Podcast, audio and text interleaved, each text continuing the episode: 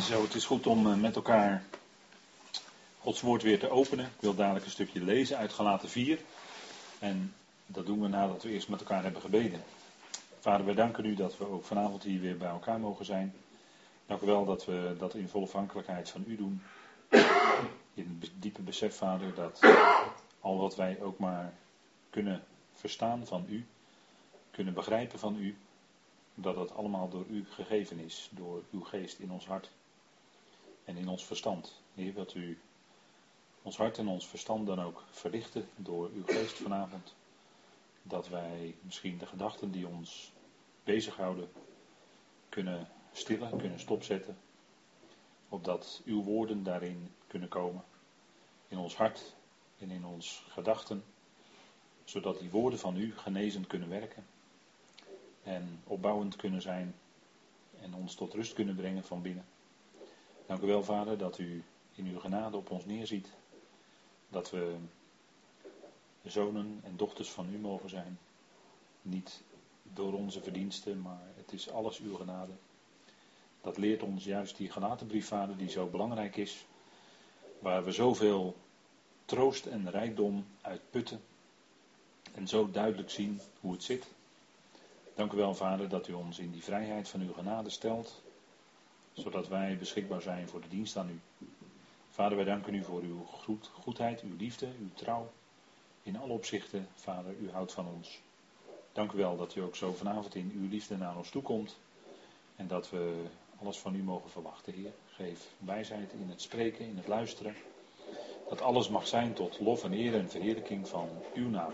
Ook deze avond. We danken u daarvoor, Vader. In de naam van uw geliefde zoon. Amen. Goed, wij eh, gaan met elkaar ehm, lezen in de brief aan de Galaten. En dat doen we vanaf vers 1 van hoofdstuk 4. En dan wil ik met u lezen tot en met vers 11. En ik lees u vanuit de tekst die wij hebben inmiddels in concordante vertaling. Dus hij klinkt anders dan u en de geeftaling. En binnenkort komt er ook een boekje uit met vertalingen, waarin ook de Galatenbrief. En dan kunt u, als u dat boekje heeft, altijd fijn meelezen in de concordante tekst. En er staat vanaf Galaten 4, vers 1: Ik zeg echter, gedurende al de tijd dat de lotgenieter een onmondig is, is hij niet van meer belang dan een slaaf, terwijl hij heer is van alles. Maar hij is onder toezichthouders en beheerders gesteld tot de door de Vader voorgenomen tijd. Zo waren ook wij, toen wij onmondigen waren, onder de grondbeginselen van de wereld tot slaaf gemaakt. Toen echter het complement van de tijd kwam, vaardigde God zijn zoon af, geboren uit een vrouw, geboren onder de wet, opdat hij hen die onder de wet zijn uitkoopt, opdat wij het zoonschap krijgen. Omdat jullie nu zonen zijn, vaardigt God de geest van zijn zoon af in, de, in onze harten, die roept, Abba, vader, zodat je niet langer slaaf bent, maar zoon. Indien echter zoon, dan ook lotgenieten van God door Christus. Maar destijds, toen jullie inderdaad geen besef hadden van God, slaafden jullie voor goden die dat van nature niet zijn. Maar nu jullie God kennen, meer nog door God gekend zijn, hoe kunnen jullie je weer omkeren tot de zwakke en arme grondbeginselen, waarvoor jullie weer van voren af aan willen slaven? Jullie houden nauwgezet dagen en maanden en era's en jaren. Ik vrees voor jullie dat ik mij wellicht te vergeefs voor jullie heb ingespannen. Tot zover de tekst. En we hebben de vorige keer gekeken naar die eerste versen van hoofdstuk 4, waarin Paulus uh, eigenlijk heel scherp een aantal zaken op een rij stelt. We hebben net gelezen over die grondbeginselen van de wereld. En we zien ook in dat vierde vers, daar willen we dan vanavond beginnen, van hoofdstuk 4 van de Galatenbrief. En dat is toch wel een bijzonder vers, want daarin stelt Paulus vast dat er een complement van de tijd kwam. Wat betekent dat? Nou, dat woord complement wil zeggen. Een complement is iets wat compleet maakt.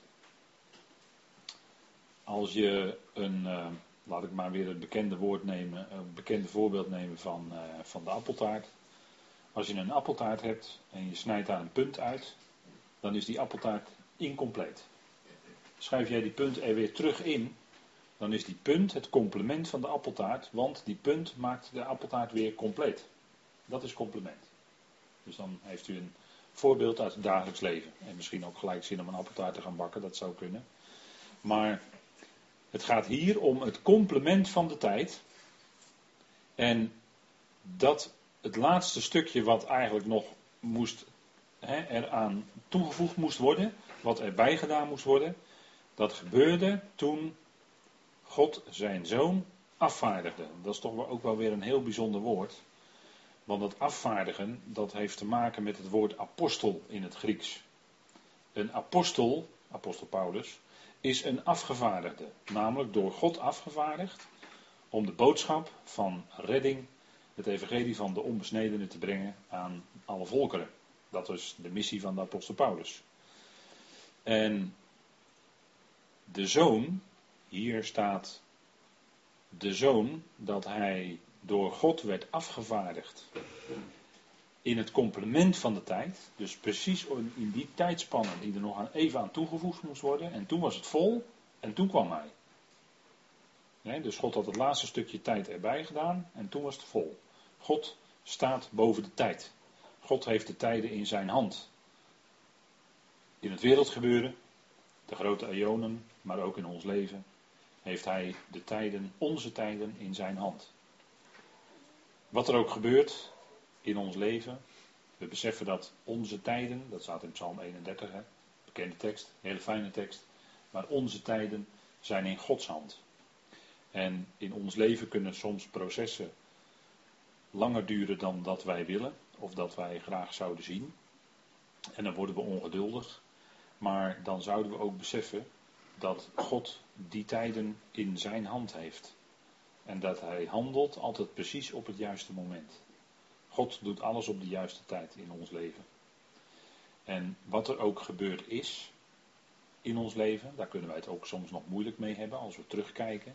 Of als allerlei herinneringen naar boven komen. Dan mogen we één ding zeker weten. Dat God, wat er ook gebeurd is, dat precies heeft gedaan op het juiste moment. Hij heeft het niet verkeerd gedaan. God maakt nooit fouten namelijk. Als er één foutloos is, dan is het God. Hij maakt geen fouten. En wat in ons leven ook gedaan of gebeurd is, het is op zijn tijd geweest. En naarmate de tijd vordert, gaan wij ook inzien dat het ook echt zo is. Alleen dat duurt soms even voordat je dat verwerkt hebt en je ogen daarvoor geopend worden. En je het ook met je hart gaat begrijpen. dat zijn soms verschillende dingen. Dat je de dingen eerst meemaakt maar dat je het later met je hart gaat begrijpen wat er is gebeurd en dat God het zo gedaan heeft en dat het dan ook goed is, dat je er vrede mee hebt. Dat is een kwestie van tijd. Maar dat is ook Gods werk in ons leven. Dat werkt Hij uit in ons hart. En dat kan soms een tijdje duren. Maar God zet stapje voor stapje in ons leven dat begrip in door zijn geest. Geeft hij ons het begrip en laat hij ons zien, opent hij onze ogen van ons hart om dat ook zo te kunnen zien. En straks als de Bema daar is, dan zullen wij terugkijken op ons leven. Dan worden al onze daden beoordeeld door Hem. En dan zullen we ook zien dat alles in ons leven, ook als gelovigen, precies op de juiste tijd gebeurd is. Dat zal de Heer ons dan laten zien. En dan gaat alles ineens in het juiste perspectief vallen. En dan dingen waar we het nu heel moeilijk mee hebben, dat kan, die worden dan opgehelderd. Daar komt dan duidelijkheid over. En misschien zijn er wel dingen waarvan je denkt van ja, ik, ik, ik, begrijp het niet en ik zal het waarschijnlijk ook nooit gaan begrijpen. Zeg nooit nooit, want bij de Bema zullen dingen duidelijk worden. dat dingen waardoor wij misschien perplex soms staan, dingen die gebeuren onder gelovigen, waar je het moeilijk mee hebt. De Heer zal dat bij de Bema, zal hij dat in de juiste perspectief zetten en dan is het ook het juiste tijd. dan is dat voor ons het complement van de tijd bij de Bema. En dat God doet dus alles op de juiste tijd. Hij handelt precies op tijd. En dat is in ons persoonlijk leven zo. En dat doet hij ook in het leven van onze kinderen. En dat doet hij in het leven van onze ouders. En dat doet hij eigenlijk in ieders leven. En als wij zo gaan kijken, dan kunnen wij met de dingen vrede krijgen in ons leven. Dan gaat ons hart, wat misschien onrustig is over bepaalde dingen, die we bij onze geliefde zien, kan daardoor tot rust komen. Als wij God bewust gaan danken voor het feit dat Hij het op het juiste moment doet. We mogen alles met gebed en smeking bij Hem bekendmaken, zegt Paulus. Maar let op, met dankzegging staat er altijd bij in Filippenzen 4. Met dankzegging. En dat vind je bij de besnijdenis niet terug. Maar Paulus geeft die notitie, die fijne notitie, met dankzegging. En dat is ook het grote verschil tussen wat gezegd wordt over gebed in het Oude Testament en Paulus. Paulus, bij Paulus kun je danken omdat je weet dat God ten diepste alles in zijn hand heeft en alles op de juiste tijd doet. En dan kun je ook danken. En dan komt je hart tot rust. En uh, natuurlijk, je kunt er met mensen over spreken. Dat is, dat is fijn als je met medegelovigen misschien over dingen spreekt. Hè, mensen aan wie je echt dingen kunt toevertrouwen. Fijn, dan kun je samen ervoor bidden. Maar het, het beste is, het diepste is, dat je God bidt, Hem verzoekt, met dankzegging. Al je gebeden en smekingen met dankzegging bekend worden bij God. Want dan staat er ook die geweldige belofte. Die maakt God waar hoor, dat doet hij ook. Dat weten we uit ervaring. Dat die vrede van God dan ons hart beheerst. En ons bewaart, ons hart bewaart als in een vesting. Dat is zo'n wonderlijke vrede. Die kan God je alleen geven. Daar kan geen, daar kan geen leerboekje of wat dan ook kan daar tegenop. Als je het zo doet, dan geeft God echt zijn vrede in je hart. En dat, dat is heel wonderlijk. En dan kunnen de omstandigheden soms heel miraculeus zijn. Of heel moeilijk zijn in ons leven. En kunnen we onder grote druk staan. En niettemin kunnen we die geweldige vrede van God in ons hart ervaren. En naarmate je dat langer ervaart, ga je steeds meer ervaren hoe geweldig dat is. Dat, het, dat de onrust uit je hart verdrijft. Dat je vrede van God in je hart hebt. Ja, dat is onbetaalbaar. Dat is onbetaalbaar. Dat kun je niet kopen, met alle goud van de wereld niet.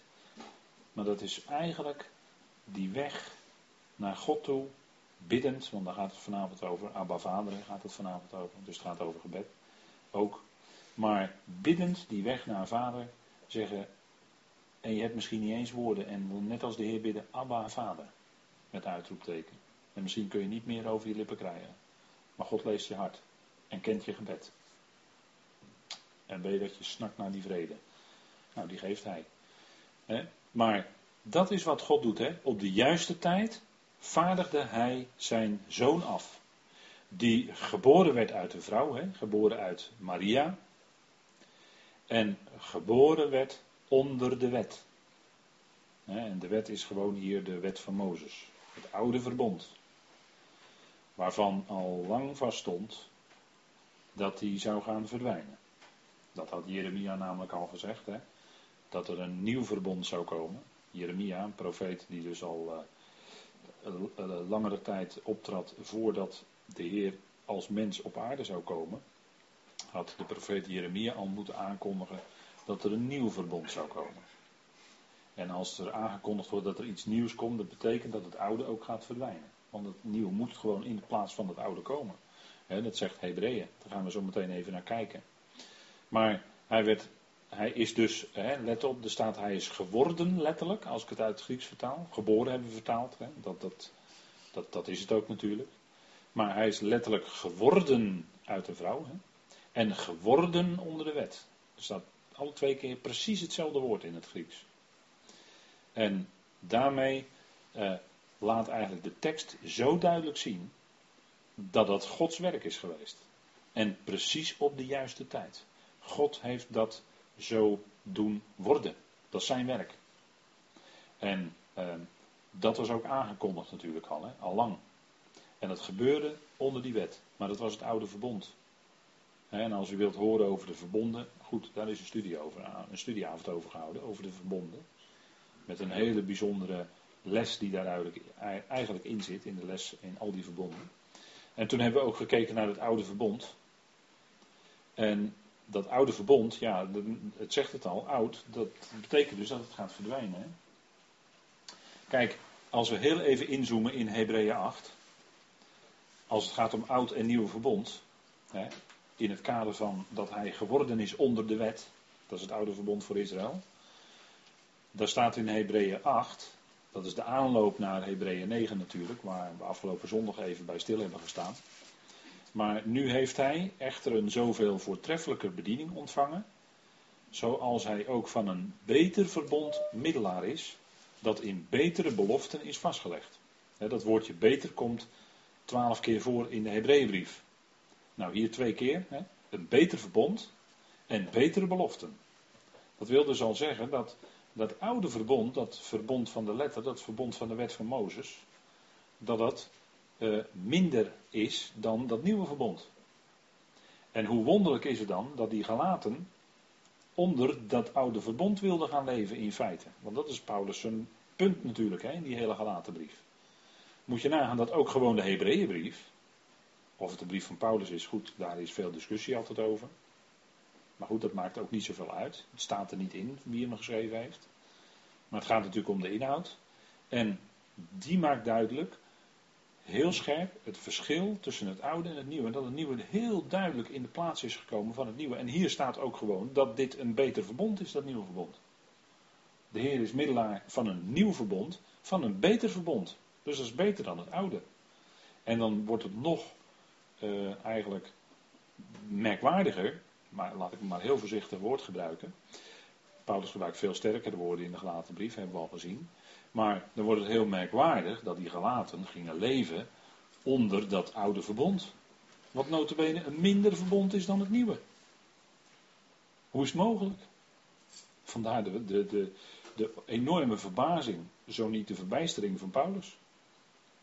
En we zien dat proces wat bij de gelaten plaatsvond, zich in de loop van de geschiedenis de afgelopen 2000 jaar steeds weer herhalen. Daar waar de genade doorbreekt, geweldig. Misschien in mindere mate of in meerdere mate, zicht op alles in alle en dergelijke. Maar toch, daar waar de genade doorbreekt, zie je altijd weer die reactie dat men dan vervolgens toch weer onder de wet wil gaan leven. Dat gebeurt steeds weer. Ik kan u daar echt ook uit recente tijd voorbeelden van geven. En dan niet alleen heel dichtbij, maar ook wat verder weg. En het gebeurt in Nederland eh, gewoon steeds weer. Maar goed, we, gaan, we lopen even door in Hebreeën 8. Immers, als dat eerste, dus dat oude verbond, onberispelijk was geweest, zou er voor een tweede geen plaats zijn gezocht. Nou, ik denk dat dat is zo logisch, hè. Dat is zo logisch. Maar het lijkt wel als mensen onder dat oude verbond gaan leven, onder de wet gaan leven, dat ze dan voor bepaalde dingen hebben ze ineens geen zicht meer. En dat is die bedekking, weet u wel. Waar Paulus het over heeft in 2 Korinthe 3. Dat telkens als Mozes voorgelezen wordt en dus opgelegd wordt op mensen, dan komt daar een bedekking. Dan worden de ogen bevangen. Dan zien zij niet meer de verschillen en de waarheden die Paulus naar voren brengt. Dat blijkt dan ineens wel niet meer duidelijk te zijn. Als ik het zacht zeg. En kijk, dat nieuwe verbond, de Hebreeën schrijver, die wijst gewoon hoofdstukken lang richting dat nieuwe verbond. Voor die Joodse gelovigen aan wie die schrijft, hè? gelovig uit Israël. Want daar schrijft hij aan. En het is aan Israël ook dat het nieuwe verbond, net als het oude, gegeven wordt. Kijk, het is een titel van een boekje. Ik ken verder de inhoud van dit boekje niet, maar dit, uh, dit plaatje gebruikte ik dan even ervoor. Het nieuwe verbond vervangt het oude verbond. Dat is wat Hebreeën natuurlijk ook zegt. Hè? En dan citeert Hebreeën 8 uit Jeremia 31. En er staat, want berispend, zegt hij tegen hen, zie de dagen komen, spreekt de Heer, dat ik met het huis van Israël en met het huis van Juda een nieuw verbond zal sluiten. Erg duidelijke taal weer, hè? Erg duidelijk. Als je je afvraagt, met wie heeft de Heer eigenlijk een nieuw verbond gesloten? Ja, dat staat hier. Met het huis van Israël, de tien stammen. En met het huis van Juda, de twee stammen. Met die wordt dat nieuwe verbond gesloten. En in werking. Maar dat is nog steeds. Want daar heb je weer een stukje verwarring bij christenen Dat ze zeggen, ja, nee, niet onder het oude verbond, maar we gaan dan onder het nieuwe verbond. Wij horen bij het nieuwe verbond. Hè? Wij hebben deel aan het nieuwe verbond. Dat denkt men dan. En vervolgens gaat men toch weer de brieven, bijvoorbeeld van Petrus en Johannes enzovoort, op zichzelf toepassen. Dan zeggen ze, ja, we hebben deel aan het nieuwe verbond. Maar hier staat waar het nieuwe verbond voor is. Het is voor het huis van Israël, de tien stammen, en voor het huis van Juda, de twee stammen. En dan vraag ik aan u, bij welke stam hoort u dan? Bij welke stam hoort u? Nou, dat weet u niet, denk ik. Sommigen menen dat wel te weten, maar. Nee, dat is gewoon voor Israël bedoeld natuurlijk. Voor het hele huis Israël. De tien en de twee stammen. Met hen sluit hij een nieuw verbond. En niet met ons. Als leden van het lichaam van Christus. Die horen niet bij Israël. Want dat is. Uh, nou. Hè, als ik het heb over geestelijk Israël, dan kunnen we nog wel even. Dan krijg je die hele verbondstheologie hè, van de kerk. De verbondstheologie. En dat is één grote brei hoor, want als je, daar, als je daarover leest, dan, nou, dan, dan, dan komt het niet uit. Maar goed, we lezen nog even door, want het wordt vanzelf duidelijk, ook vanuit Hebreeën. En dan zegt de Heer tegen hen, en dit is nog steeds uit Jeremia 31, niet overeenkomstig het verbond dat ik met hun vaderen gesloten heb, de vaderen dus van Israël en Juda, op de dag toen ik hen bij de hand nam om hen uit het land Egypte uit te leiden. Bent u als lid van het lichaam van Christus ooit uit Egypte uitgeleid? Nee, hè? In typologie gesproken wel, maar dat is heel wat anders. Hier gaat het om de letterlijke uittocht uit Egypte. En dit gaat dus helemaal over Israël. Want ze bleven niet in mijn verbond, en ik heb geen acht op hen geslagen, zegt de Heer.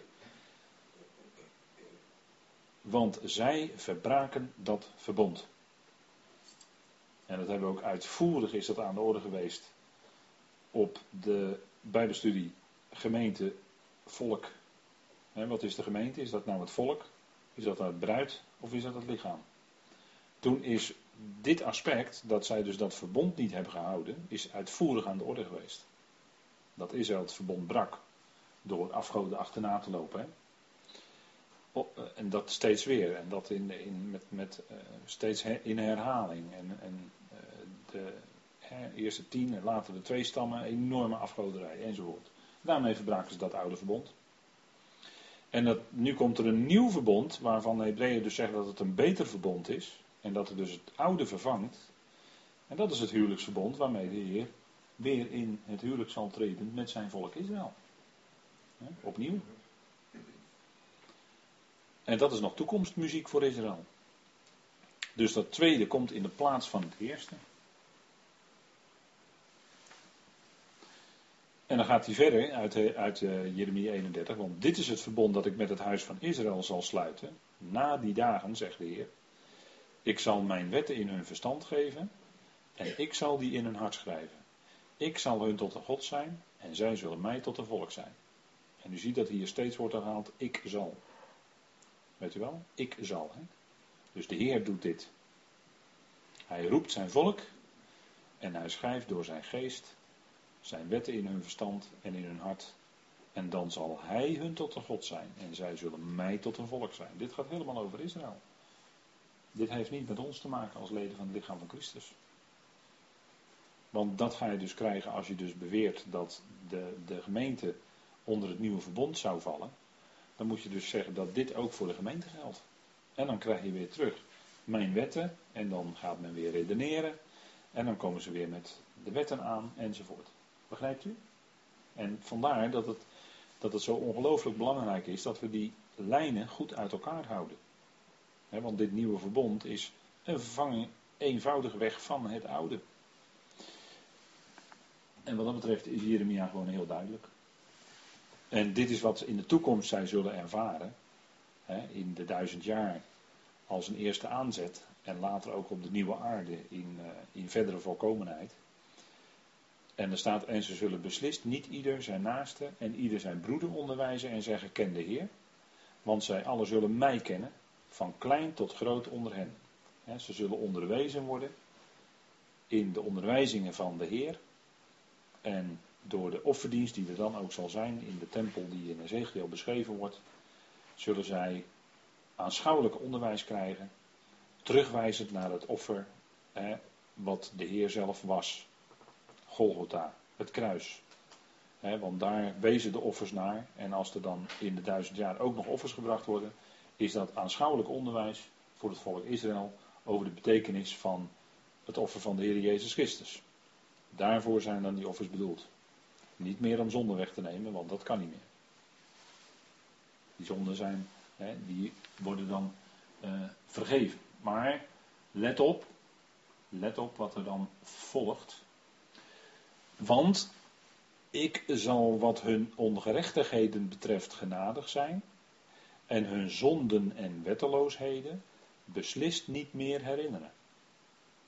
Kijk, en hier zien we dus een merkwaardige misser van de herziene statenvertaling, waar zij vertalen met, ik zal hun ongerechtigheden betreft genadig zijn. Dat staat er niet. Er staat niet het woord charizomai of iets dergelijks, maar er staat hileos. En dat is hetzelfde woord wat te maken heeft met, waar we het zondag over hadden, dat beschermdeksel. Hilasterion, hilasmos. Dus wat zal plaatsvinden in de komende tijd is die vergeving, is die bescherming, is dus dat hilasmos. En dat is ook wat we gezien hebben, ooit ook een keer in deze reeks van de Galatenbrief heb ik u dat laten zien. Het verschil tussen de woorden die de besnijdenisapostelen gebruiken. Hè, dit dus, hilasmos, hilasterion, hileos. En de woorden die Paulus gebruikt, katalasso en apokatalasso. Dat is een heel groot verschil. Dat is echt, dat is echt verzoenen. Maar dit hilaskomai en hilasterion is het beschermen. Of zoals het vaak gedacht en vertaald wordt, bedekken. Dat is het ook wel, maar het is beschermen. En dat is wat geldt voor het Joodse volk in de duizend jaar. En eventueel ook de volkeren. Want Johannes zegt, het is ook een hilasterion voor de hele wereld. Hè? Een bescherming voor de hele wereld. Maar vergist u zich niet, en dat hebben we ook hier wel eens al besproken hoor, dat in de komende duizend jaar hier op aarde niet het evangelie van Paulus wordt verteld, maar het evangelie van de besnijdenis. Dus dan wordt de klok als het ware wat dat betreft enorm teruggesteld. En geldt wat Petrus, Johannes, Jacobus enzovoort, wat die allemaal zeggen en schrijven. En de evangelie. En eventueel Hebreeën. Misschien. Voor een deel. En dat is het dan. Maar de evangelie van Paulus wordt niet gepredikt hoor. Dat evangelie van Paulus komt pas in die nieuwe schepping. En dat hebben we ook gezien, hè? pas na verloop van tijd. In die nieuwe schepping, als daar een groei is geweest.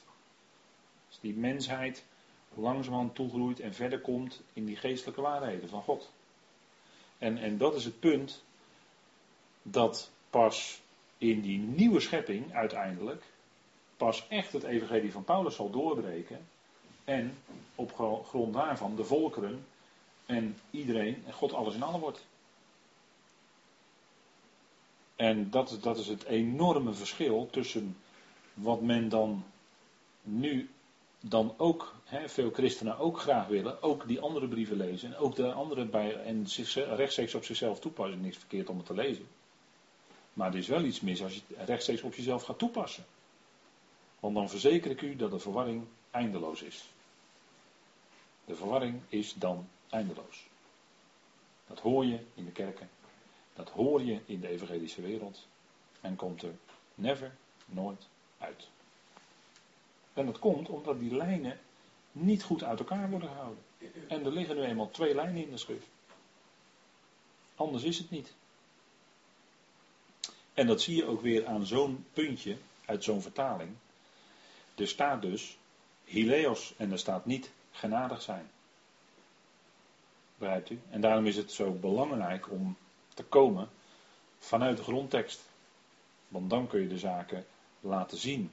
En als je dan consequente lijnen vasthoudt, ja, dan, dan kom je er wel uit. En dan is er ineens helderheid. Dan is er ineens begrip. Geestelijk verstaan. dat is, en en dat, is, dat geeft veel meer kracht geestelijke kracht in je leven. Het geeft een veel diepere vrede en een veel constantere vrede in je hart en in je leven. Als je het evangelie van Paulus volgt. Dan dat je in de verwarring bent, want dan heb je voortdurend onrust. En denk erom dat de rechtvaardiging door geloof om niet, uit Romeinen, veel verder gaat dan wat hier staat. In Hebreeën 8 van het nieuwe verbond. En de rechtvaardiging om niet, dan heb ik het over een van de basisbeginselen nog maar. Om het maar even zo te zeggen, maar dat is al heel kostbaar hoor. Van het evangelie van Paulus. Luther is nooit zo ver gekomen. Hij heeft iets van de rechtvaardiging begrepen. Maar de echte rechtvaardiging om niet uit zijn genade, dat het alleen uitsluitend genade is, zover is Luther ook niet gekomen. Maar die zat toch al met het verschil tussen Paulus en Jacobus.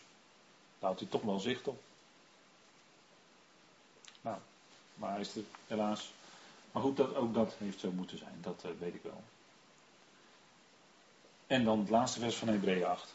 En als hij spreekt van een nieuw, dus een nieuw verbond, heeft hij het eerste verouderd.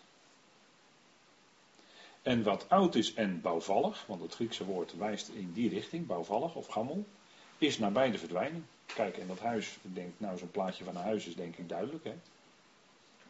Dat huis wat hier zit op dit plaatje is nabij de verdwijning. Want dat moet gesloopt worden en er moet een nieuwe eh, neergezet worden. Maar dat is eigenlijk het woord wat Hebreeën gebruikt voor dat oude verbond. Oud, gammel, bouwvallig. Het moet tegen de vlakte en er moet een nieuw komen. Dat is eigenlijk het, eh, dat is, dat is het eigenlijk hè, wat hij hier laat zien. Notabene. Hè? En dan nog zijn er mensen, christenen, die willen liever onder het oude verbond leven. In hun praktijk. Dan dat ze de genade blijven volgen die Paulus verkondigt. Ik vind het, als je die genade, als je daar iets in je leven van hebt ervaren en bent gaan zien, dat God je dat gegeven heeft, weet ik wel. Moet God je geven, inderdaad. Maar als je dat hebt gaan zien, dan ben je wel over dat andere verbijsterd. En Paulus was dat, en zo langzamerhand kan ik iets van die verbijstering van Paulus wel begrijpen, ja. Ja, inderdaad. Dat kan ik begrijpen. En dat mensen zo snel soms, zo snel, na jaren in het evangelie van Paulus te hebben gestaan, omgeturnd worden en onder de wet gaan leven. En waarmee ze de tijd in hun eigen leven geestelijk gezien enorm terugzetten. Goed, maar we gaan weer door naar de gelaten brief. En hij is gekomen, zegt Paulus, bij, in het complement van de tijd. Hè? Geboren onder de wet. En dat was met een geweldig doel. En dat is evangelie. Opdat hij hen die onder de wet zijn. Dat is natuurlijk Israël. Maar helaas, veel christenen groeien ook op onder de wet. In christelijke gezinnen wordt vaak uh, de wet toegepast en voorgelezen worden ze elke zondag enzovoort. Dus dat geldt eigenlijk dan ook voor die christenen. Opdat er hen die onder de wet zijn uitkoopt. Daar moesten ze dus uitgekocht worden. En er staat, en dan zegt Paulus, opdat wij het zoonschap krijgen. En met die wij bedoelt hij, hij zelf en de gelovigheid Israël in de eerste plaats. En dan zegt hij in de volgende verse, heeft hij het ook over jullie. En dan is het ineens, gaat het weer over de heidenen die ook toegevoegd worden. met dat wij en jullie moeten we in de gelaten brief ook altijd even opletten. En uiteindelijk, wat dan over die wij gezegd wordt, geldt natuurlijk ook voor ons. Maar hij maakt daar wel duidelijk onderscheid, want hier heeft hij het dus over degene die onder de wet zijn. Nou, dat is, dat is in principe altijd Israël, want Israël had die wet gekregen. Opdat wij het zoonschap, en dat is iets kostbaars natuurlijk, hè, want dat geldt natuurlijk ook voor ons. Wij zijn ook losgekocht, uit welke slavernij dan ook, maar we zijn losgekocht, vrijgekocht, tot zoonplaatsing. Dat is eigenlijk het woord voor zoonschap. Hè? We vertalen het met zoonschap, maar letterlijk vanuit het Grieks is het zoonplaatsing of plaats van zoon. God heeft ons die plaats gegeven. Hij is de plaatstoewijzer, hè? Theos.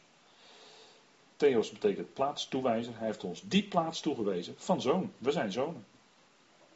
En een zoon, die, dat is een bepaalde status hè, van volwassenheid eigenlijk. Dat is niet meer onmondig zijn, dat is niet meer kind zijn, maar dat is zoon. Dan ben je een enorme stap verder. Dan heb je een bepaalde waardigheid ook gekregen. een zoon is in principe ook de erfgenaam van de vader. Dat, was, dat, dat geldt in, in families nog steeds. en vooral in het oosten geldt dat vrij sterk.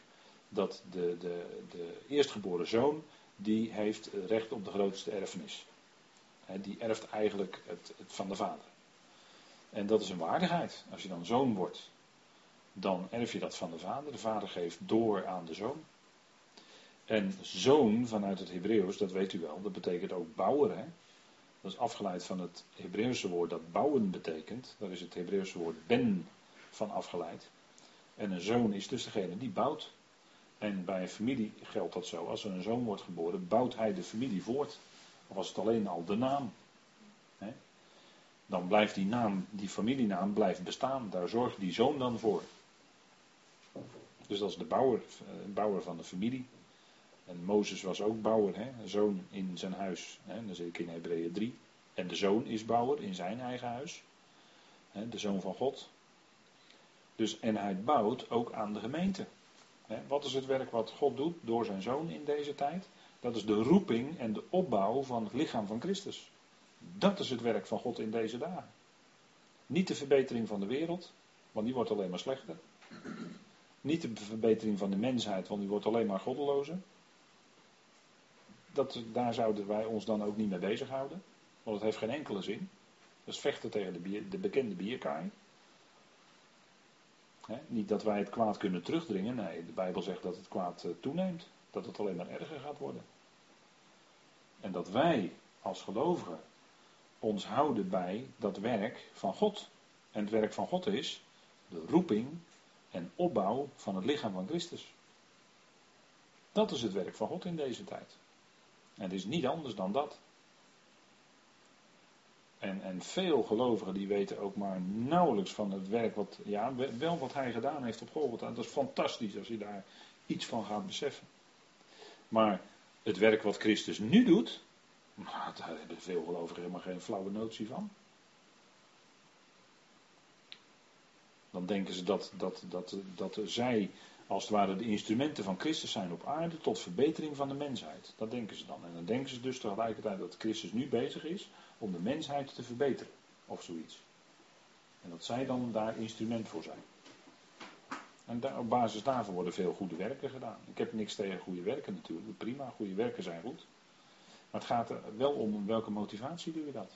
Doe je dat om de wereld te verbeteren? Dat heeft geen enkele zin. Dat heeft geen enkele zin. Dan loop je eigenlijk mee te bouwen aan een ander rijk. Nou word ik wat scherper. Dan bouw je eigenlijk mee aan dat andere rijk, namelijk dat van de antichrist. Want dat wordt nu in de wereld opgebouwd hoor.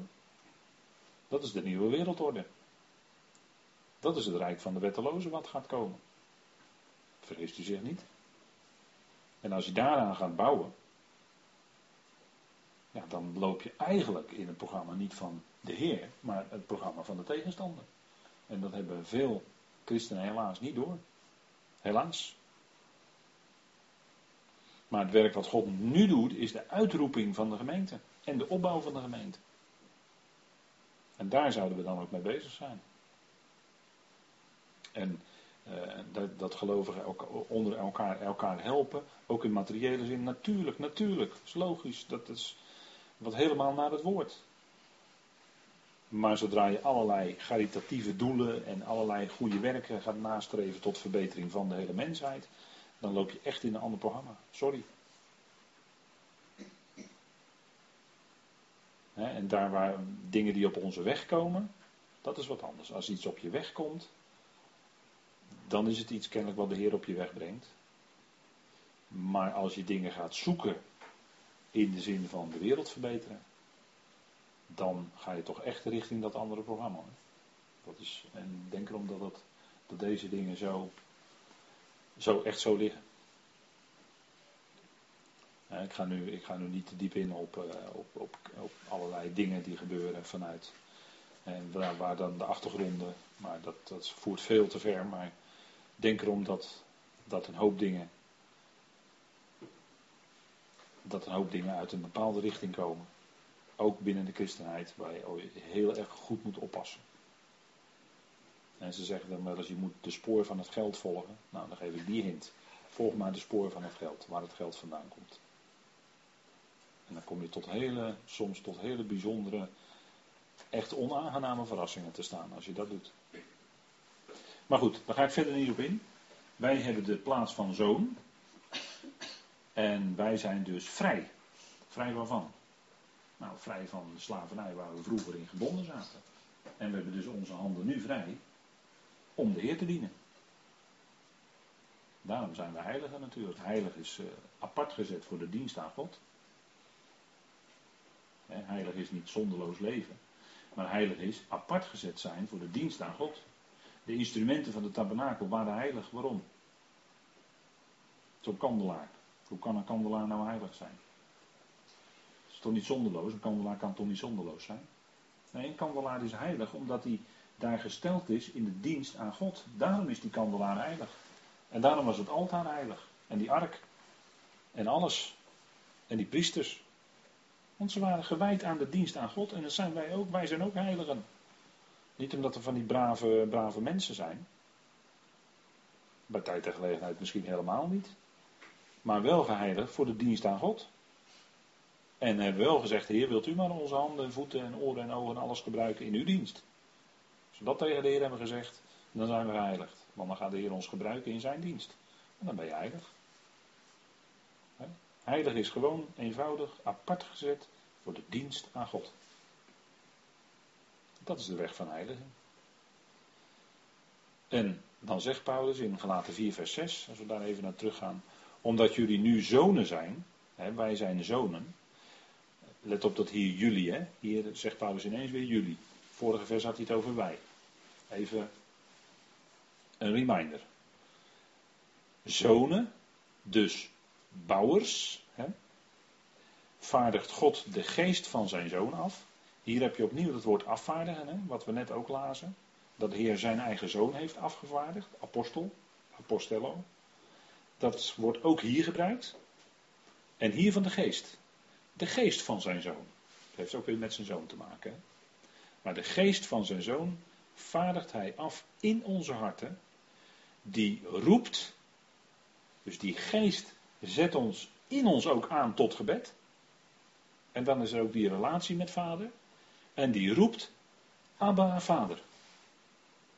En Abba is het Aramese woord. En vader is dan het Griekse woord. Dat gebeurde vaak, hè, dat een Aramees woord werd gebruikt. En dat werd dan in het Grieks vertaald. Talita kumi betekent, ik zeg u meisje, sta op. Wordt het gelijk vertaald in de Bijbel. Dat is bij het dochtertje van Jairus. En hier, Abba, vader. Wordt twee keer hetzelfde gezegd. Abba is het Aramese, of het eigenlijk van het Hebreeuws afkomstige. En vader is het Griekse woord. En vader is degene die wekt. De vader is het hoofd van de familie. De vader is degene die kinderen verwekt, die kinderen voortbrengt.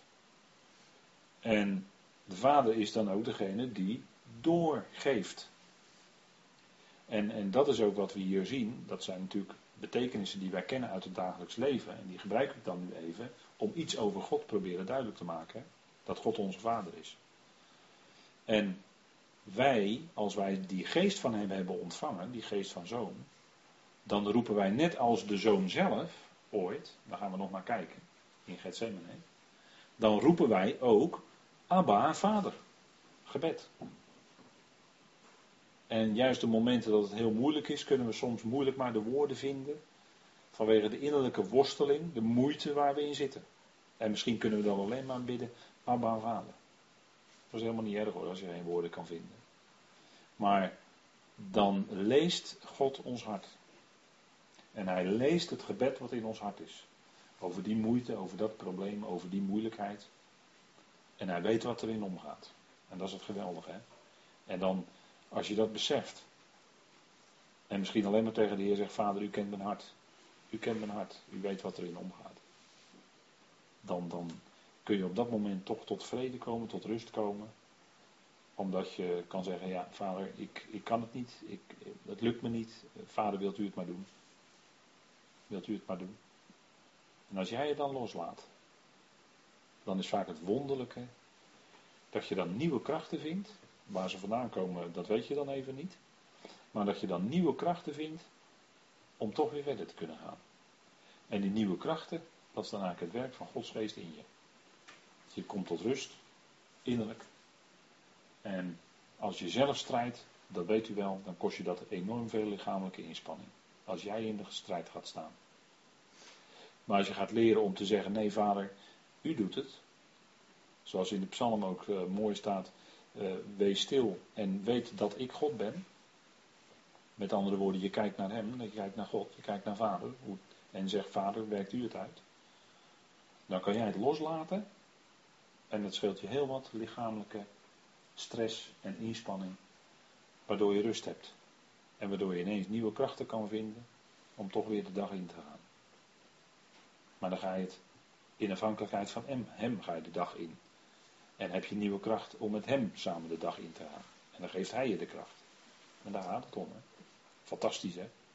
Kijk, die geest die zien we niet. Ik heb hier even een plaatje van die bomen. De Heer vergelijkt geest met wind.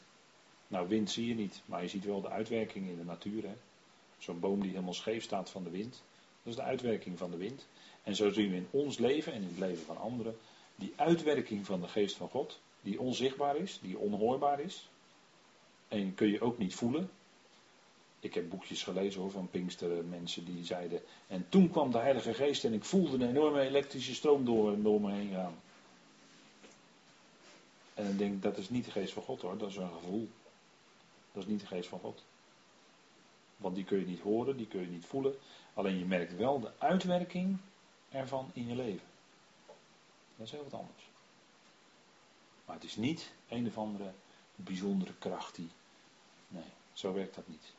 En de uitwerking van die geest is ook die vrucht van de geest in je leven. Nou, en die is, zoals het plaatje zegt, voor altijd in ons hart, hè, die geest. Die is in ons komen wonen en die gaat niet meer weg. En we kunnen die geest wel bedroeven door ons gedrag, dat kan. En dan gaat hij als het ware in een hoekje zitten. Hè. Dat kan. Maar daarom hebben we dat woord nodig wat ons aanspreekt. En wat ons weer steeds weer in het goede spoor zet. Maar die geest van zijn zoon in ons, die geest van de plaats van zoon, de geest van het zoonschap, waar Romeinen 8 ook over spreekt. Dat is die kracht die ons aanzet tot beweging, tot het juiste denken, tot het ervaren van die heerlijkheid, van die genade van God in je hart. Tot die rust en vrede, die, die wonderlijke vrede, waar ik het er net over had. Dat is een werk van de geest van God in ons. Dat kun je zelf niet maken. Maar daar, daar, daarvoor zitten vandaag heel, heel erg veel mensen bij allerlei hulpverleners. Omdat ze die innerlijke onrust maar niet kwijt kunnen raken. Waar komt dat nou vandaan? Enzovoort, enzovoort. En hebben ze gesprekken. En, maar uiteindelijk merken ze dat het toch niet weggaat, die onrust. Maar eh, wat, wat wel een wonderlijke vrede kan geven in je hart, is die geest van God. En dat kun je dus niet betalen, dat kun je niet kopen. Dat kan alleen maar door de werking van God zelf in je. En dan zeg ik altijd door het woord, want het is alleen door het woord. De geest werkt alleen door het woord. Daarom is het zo ongelooflijk belangrijk, hè, die heerlijke woorden van God steeds weer te horen, te lezen, in je te laten komen. Nou, dat, dat zijn bijzondere facetten hoor, dit. En die geest van het zoonschap, die roept in ons dus, Abba, vader. En daarin was de Heer zelf het voorbeeld. U weet wel, in die bekende geschiedenis dat hij in die, eigenlijk kun je wel zeggen, die allesbeslissende uren die eraan zaten te komen. Die allesbeslissende uren voor de wereldgeschiedenis, hè, voor dat hele plan van Eonen. Dat in die allesbeslissende uren was de Heer in gebed met zijn discipelen in Gethsemane. En hij was mens. En hij was als mens, was die, ging die door allerlei, ja, hoe moet ik dat zeggen? Ervaringen heen, ook emoties heen. Gewoon puur menselijke emoties. Omdat hij gewoon mens was en, en dat, het kwam op hem af. Hij wist wat er ging gebeuren, het kwam op hem af, het drukte hem. Gaan we lezen met elkaar. Marcus 14. En u kunt, als u wil, best in uw Bijbel meelezen. Marcus 14 zoeken we even op met elkaar. En toen kwam de Heer in Gethsemane. En misschien als u in Israël bent geweest, dan, dan moet u daar ook geweest zijn. Hè? We hebben dat zelf ook kunnen beleven. En dat is toch heel bijzonder als je dan echt op die plek bent, hè, op de Olijfberg. En daar staat dan in Marcus 14, vers 32, en zij kwamen op een plaats waarvan de naam Gethsemane was. En als dat er zo staat, hè, de plaats waarvan de naam Gethsemane was, als dat zo in de Bijbel staat, dan moet je natuurlijk die betekenis van Gethsemane opzoeken. Want dat is dan belangrijk natuurlijk, hè, anders zou het er niet staan. Nou, Gethsemane, dat betekent, dat weet u wel, olijfpersbak. Hè. Get of gat is een pers en shemen is olie eigenlijk, olie. Maar olie die kwam uit de olijf. Dus we zeggen dan olijfpers. Bak, olijfpers. En dat is wat de Heer hier ging meemaken. Hè? Hij kwam zelf in die pers onder die enorme druk te staan. Want die olie, die olijven moet je dan stoten. En dan moet je daar druk op zetten. Dan komt er olie uit die olijven. Vandaar olijfpersbak. En daarom is de vrucht en is de olie gaat die geest ook bijzonder werken als er druk is, als er soms grote druk is. En dat was bij de Heer hier. Gethsemane, de, de tijd dat hij gekruisigd zou worden, die uren die zaten eraan te komen. En hoe zag hij daar tegenop? En dan zei hij tegen zijn discipelen, ga hier zitten totdat ik gebeden zal hebben. Hè, hij, hij, hij kon niet anders, hij moest het bij vader zoeken, natuurlijk. Hij was voortdurend in gesprek met vader, maar nu was het, werd het heel intens.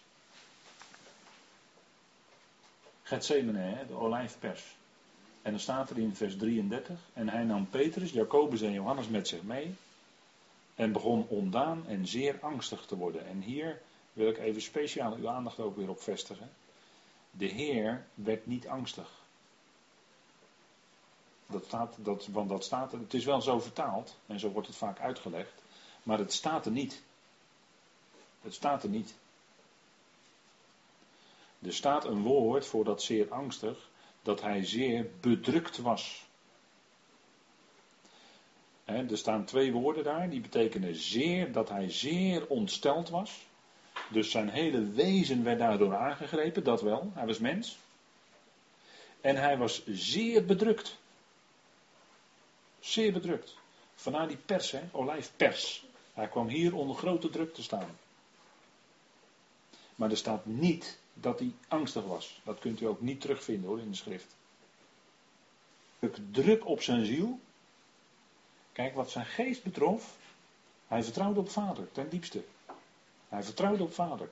Het geloof van Jezus Christus is dat hij ook hier doorheen kon zien in geloof. Want hij wist dat Vader hem zou opwekken uit de dood. Dat wist hij. En dat was zijn geest. Dan, daar had zijn geest volle vertrouwen in. Maar hij was ook mens. En vandaar dat hier staat: Mijn ziel is zeer bedroefd. Dat is de emoties. Dat zijn de gevoelens. En dat is puur menselijk. Daar is niks mis mee. Dat is puur menselijk. En er staat ook dat bij Lazarus dat hij weende, hij huilde bij dat graf. Toen Lazarus zijn vriend in het graf lag dood. Toen huilde hij. Dat is menselijk. Daar is helemaal niks mis mee. Dat is verdriet wat je hebt als mens, dat, dingen die je aangrijpen. Er staan ineens de tranen in je ogen, dat, dat is normaal. Dat had hij ook. Nou, mijn ziel is zeer bedroefd. Tot de dood toe. Hij wist dat het tot de dood toe zou leiden. En dat zei hij ook tegen zijn discipelen. En dan zegt hij tegen ze: blijf hier en waak. En u weet wat er gebeurde. Hè? De Heer had het zo nodig om hier te waken en te bidden en, en, en met vader in gesprek te zijn. toch, toch een vorm van worsteling met vader. Want het blijkt uit de woorden die gebruikt worden. Nou, zeer bedroefd. Het Griekse woord gaat naar dat hij grote smart had. Dat hij leed had, grief, pijn. He, zielenpijn. Nou, en hij zegt dan, de Heer zegt tegen ze, waak en bid. En wat deden de discipelen? Die sliepen. Die hadden net uitgebreid gegeten met de Heer. Begrijpt u? Dus we, we kunnen natuurlijk wel van alles verwijten aan die discipelen, maar dat, dat past ons helemaal niet. We kunnen het alleen constateren. Zij beseften niet wat er werkelijk zou gaan gebeuren.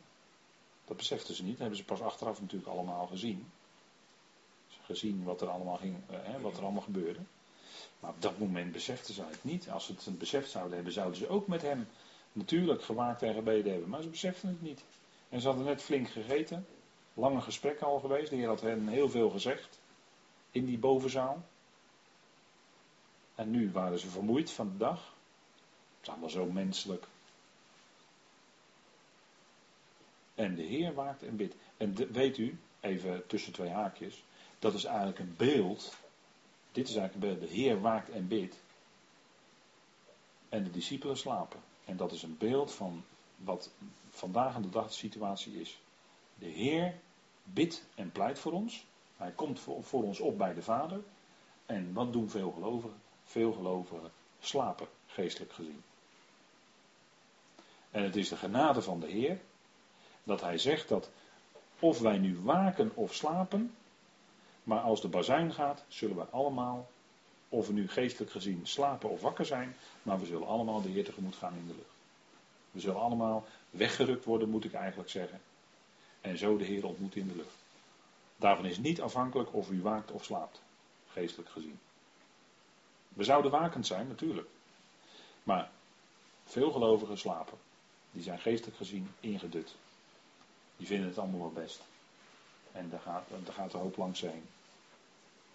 En ze zien, ze zien niet, ze hebben geen scherpte, ze hebben geen, vaak geen geestelijk zicht op hoe dingen werkelijk zitten, enzovoort, enzovoort. Slapende gelovigen. Maar ook zij, als het echte gelovigen zijn, gaan met al degenen die waken, als de bazuin gaat, gaan alle gelovigen natuurlijk, dat hele lichaam van Christus, dat kan niet anders, wordt weggerukt van de aarde en we zullen de Heer ontmoeten in de lucht. Dat gaat natuurlijk gebeuren. Maar dit, hè, wat hier in Gethsemane dus plaatsvindt, is dus een beeld van nu. Hè. De Heer bidt en pleit bij de Vader. En veel gelovigen slapen. Net als die discipelen toen. Notabene zouden wij zeggen in Gethsemane. Maar de discipelen die, die wisten, die, die hadden geen besef van wat er ging gebeuren. En dan staat er, en toen hij iets verder gegaan was, wierp hij zich ter aarde en bad dat als het mogelijk was, dat uur aan hem voorbij zou gaan. Kijk, en hier zien we dus dat de Heer mens was en dat het in zijn ziel zo op hem afkwam, dat op dat moment hij naar de mens gesproken, en dat, dat is zo logisch, dat hij dat, dat enorme intense lijden wilde hij vermijden. Maar we zien wel dan in het, in het vervolg dat zijn geloof. Ja, dat had natuurlijk de overhand. Hè? Hij kwam toch weer in de lijn. Maar hier zien we wel even een worsteling. De Heer in zijn ziel. Als mens. Het ook een menselijk lichaam. En dan moeten lijden. Scherp lichamelijk lijden. Ja, daar schrikt iedereen van terug. Dat is een, een natuurlijke reactie. En als we ons heel even afvragen, stel nou dat God hem wel gespaard had voor dat lijden. Wat zou dat dan niet betekend hebben? Een ongelooflijk groot verlies. Want hij kwam om te zoeken en te redden wat verloren was. De zoon des mensen. Weet u wel, die bekende tekst uit Lucas. Hè? Hij kwam om te zoeken en te redden wat verloren was. Wie, wie was eigenlijk de verliezer? Wie was eigenlijk wat kwijt? De Heer, God zelf, die, die was de schepselen kwijt hoor. Die was ze verloren. Dus het zou oneindig verlies hebben betekend allereerst voor God zelf. En ten tweede voor de zoon, voor Christus. Zou het ook een enorm verlies hebben betekend? Want hij zou dan niet dat werk hebben gedaan wat hem zoveel vrucht zou opleveren. Namelijk uiteindelijk de hele schepping. En de schepselen zelf, die zouden ook verlies lijden. Want die zouden nooit in het leven kunnen komen, uiteindelijk. Dus moeten we even bedenken, hè? wat voor een ongelooflijk verlies dat geweest zou zijn. Maar de zoon ging door. En hij zei, en hier zien we dan weer dat geloof van Jezus Christus, hè, dat geloof van de zoon. En hij zei, Abba vader. Hij riep tot vader. Alle dingen zijn mogelijk voor u. Neem deze drinkbeker van mij weg. Maar, en nu komt het, zijn geloof. Maar niet wat ik wil, maar wat u. Dus hij schikte zich in gehoorzaamheid, en dat is geloof, want geloof is gehoorzaamheid, hè? geloof is horen, van de zoon, hè? die gehoorzaamheid van de zoon, in die ootmoedige gezindheid, waar Paulus zo fijn over schrijft in Filippenzen 2, schikt hij zich naar de wil van de Vader. En de wil van de Vader was dat hij door zou gaan naar Golgotha.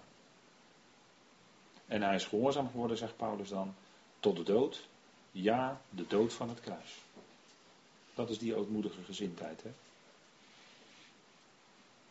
Hij schikte zich ootmoedig in geloof in wat vader wilde. Met het geloof dat vader ook bij machten was hem zou te doen opstaan. En dat was ook de belofte. Dat hij opgewekt zou worden uit de dood. Dat was zijn geloof ook. Hij vertrouwde vader volledig, net als Abraham. Dat God de God is van de opstanding. Dat God de God is van de levende. En dat hij het niet bij de doden laat, maar dat hij opwekt uit de dood. Maar het moest wel via het kruis. Het moest wel dus door een enorm lijden heen. Het moest dus wel door de dood heen. Helemaal. Hè? En door de dood heen wekte vader hem op op de derde dag. En daar werd het geloof van de zoon niet beschaamd. God beschaamt nooit iemand die hem gelooft op zijn woord. En het dus ook de zoon niet. Maar hij heeft dat geloof niet beschaamd en hij wekte hem op op de derde dag. In een onvoorstelbare heerlijkheid die, die daarna zou komen.